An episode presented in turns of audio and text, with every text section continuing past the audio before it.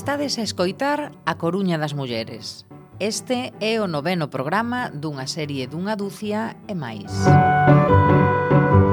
Isto é A Coruña das Mulleres, un proxecto da Asociación Cultural Alexandre Bóveda. Aquí atoparedes a historia da inventora do libro electrónico, da primeira enfermeira en misión internacional, da primeira muller que dirixe un xornal no Estado español, Mais, sobre todo, atoparedes historias colectivas, das mestras represariadas, das cigarreiras e as súas folgas xa a mediados do século XIX ou das lavandeiras.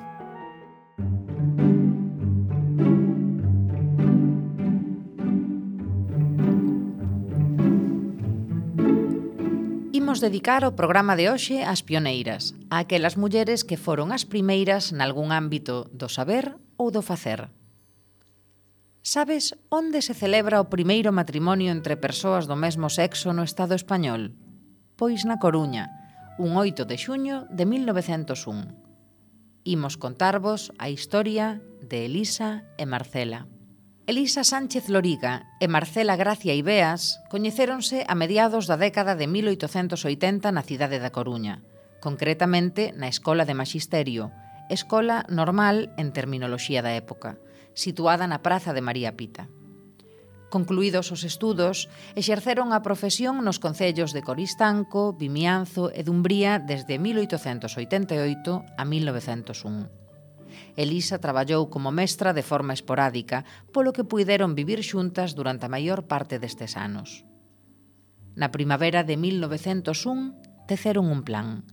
Elisa transformaríase en home para poder así casar con Marcela, O proxecto tivo éxito. O 8 de xuño dese mesmo ano, ás sete e media da mañá, casaron na coruñesa igrexa de San Xurxo Mario Sánchez Loriga e Marcela Gracia Ibeas. Unhas horas máis tarde, fixeron un retrato no obradoiro de José Seller. Nin elas nin el sospeitaron o inusitado éxito que tal retrato estaba chamado a ter. Animadas polo éxito do seu arriscado proxecto, tiveron a ousadía de retornar a Dumbría, onde os veciños identificaron a Mario como Elisa. De feito, xa identificaron en Vimianzo, cando a dilixencia que as conducía parou nesta vila. A prensa converteu o matrimonio entre dúas mulleres nun matrimonio sen home, e as autoridades religiosas, académicas, judiciais e policiais iniciaron a súa persecución, polo que se viron obrigadas a fuxir.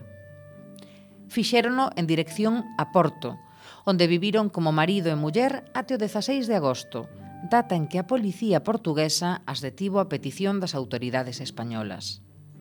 A noticia suscitou un enorme interese e foron moitas as persoas que se solidarizaron cas dúas españolas matrimoniadas. Unha vez liberadas, continuaron vivindo xuntas nesta cidade, agora xa como dúas mulleres. A noite de Reis de 1901, Marcela deu a luz unha nena que recibiu o nome de Enriqueta. España solicitou a súa extradición e Portugal concedeuna, polo que tiveron que fuxir de novo.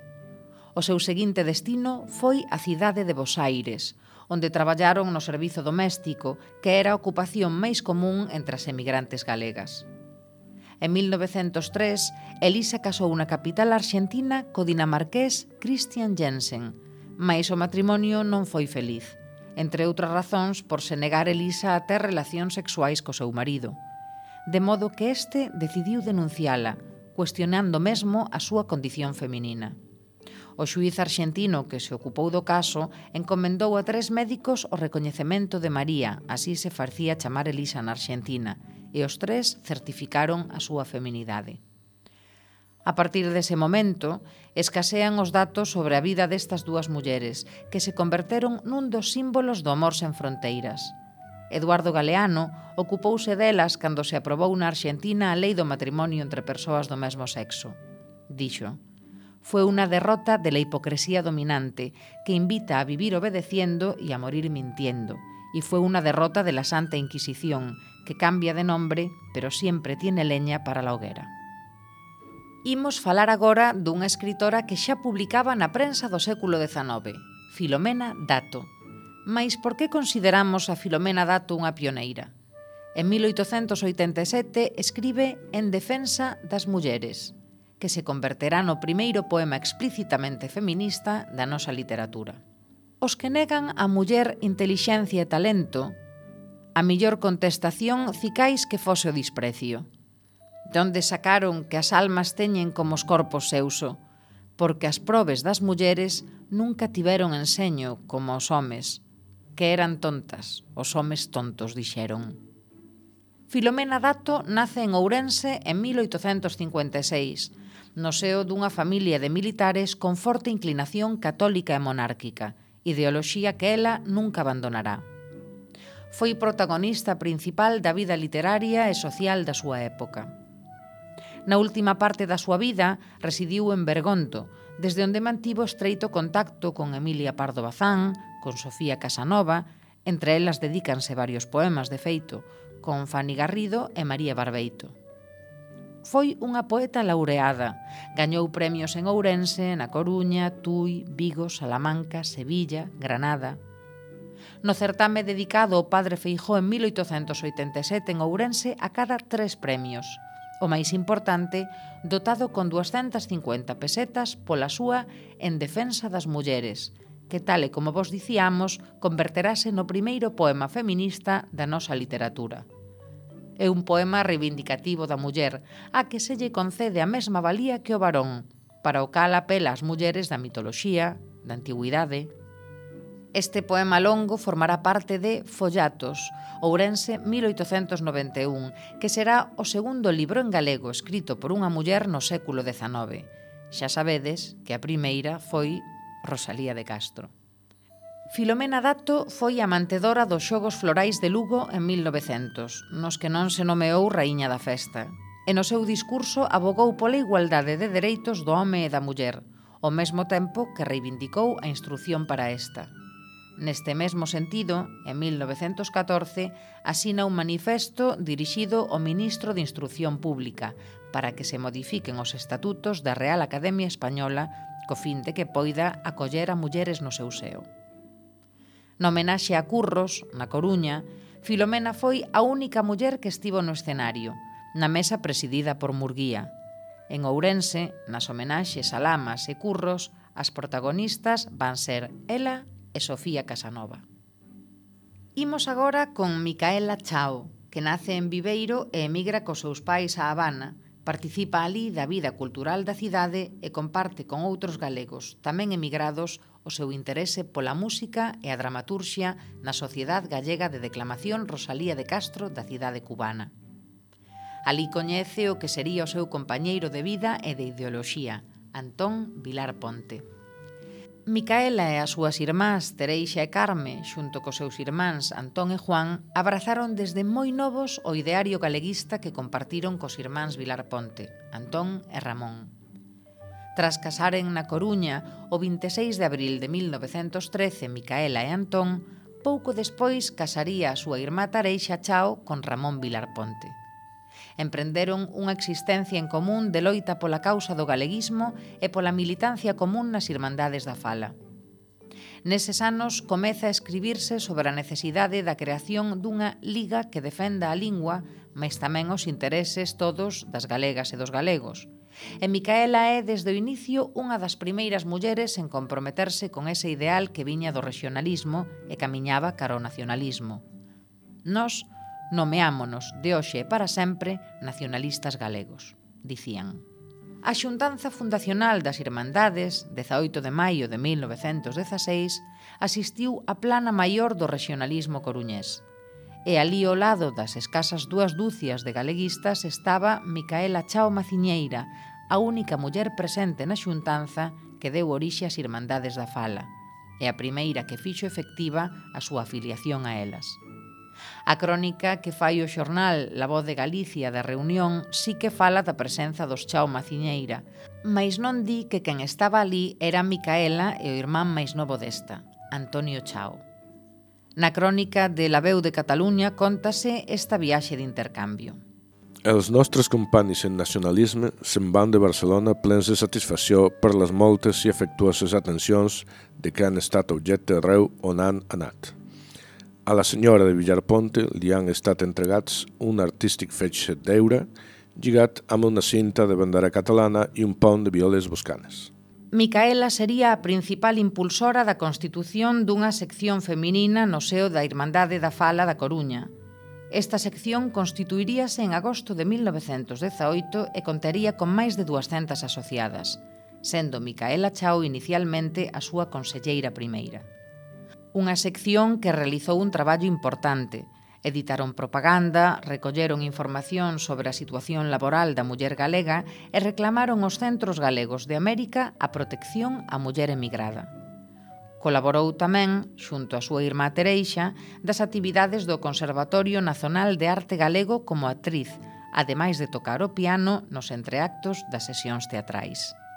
Pensamento e praxe uníanse en Micaela, A súa defensa do galego fai que eduquen esa lingua aos seus fillos, Tonecho e Meliña, algo pouco común nesa altura. Recólleo así nun artigo Fernández Oxea, Bencho 6, si todos os fogares dos galeguistas foren tal e como foi de por vida o de Antón Vilar Ponte, haberíase dado un gran paso na galeguización da nosa terra, escribiu.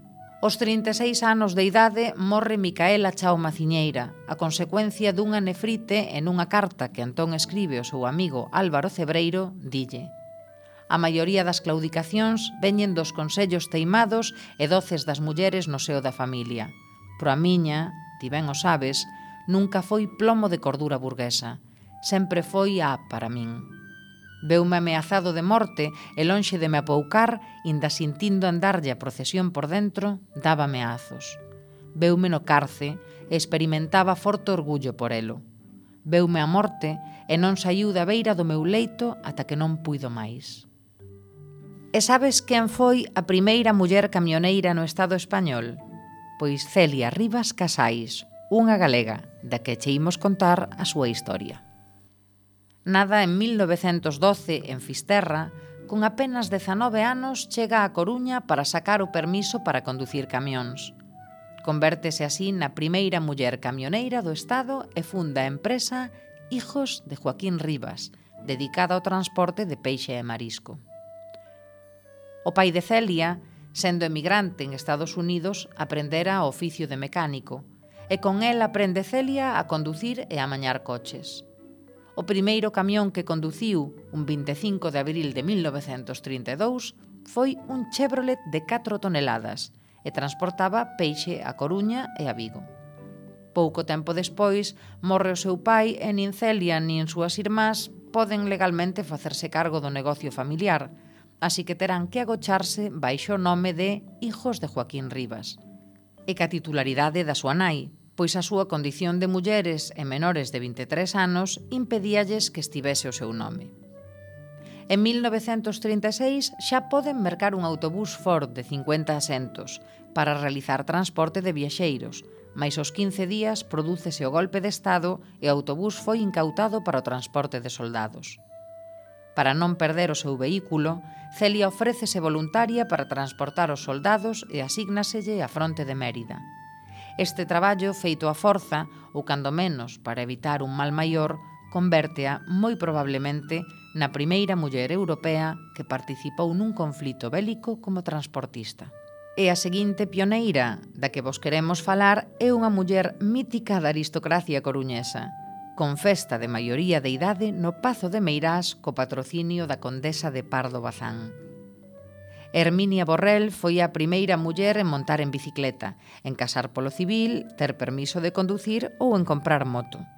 Tampouco dubidou a hora de sacar o corsé para bailar o charleston ou usar pantalón.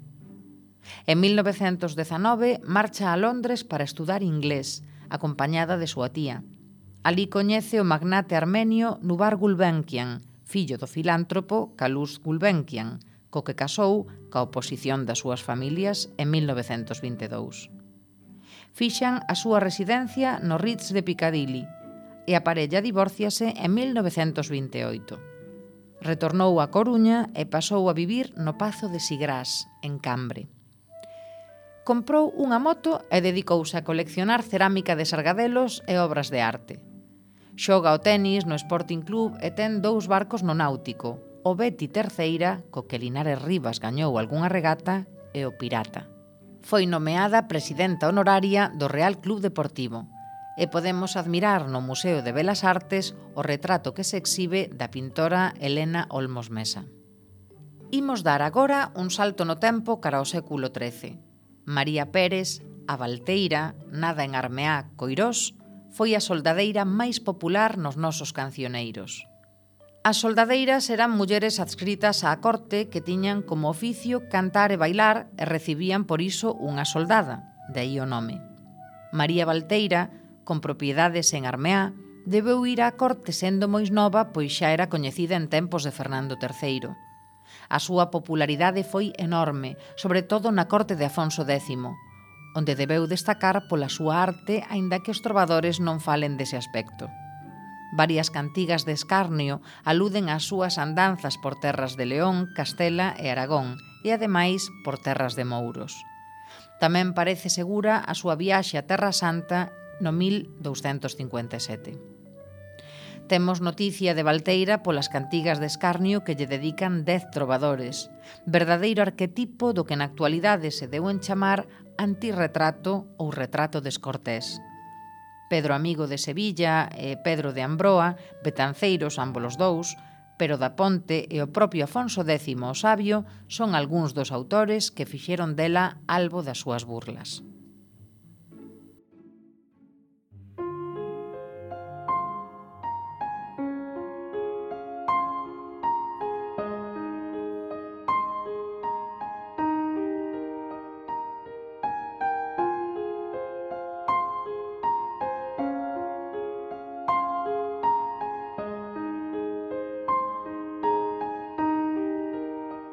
Damos vos as grazas por acompañarnos en cada episodio da serie A Coruña das Mulleres, realizada grazas á colaboración do Concello da Coruña. Podedes seguirnos na web acoruñadasmulleres.gal. Saúde e memoria.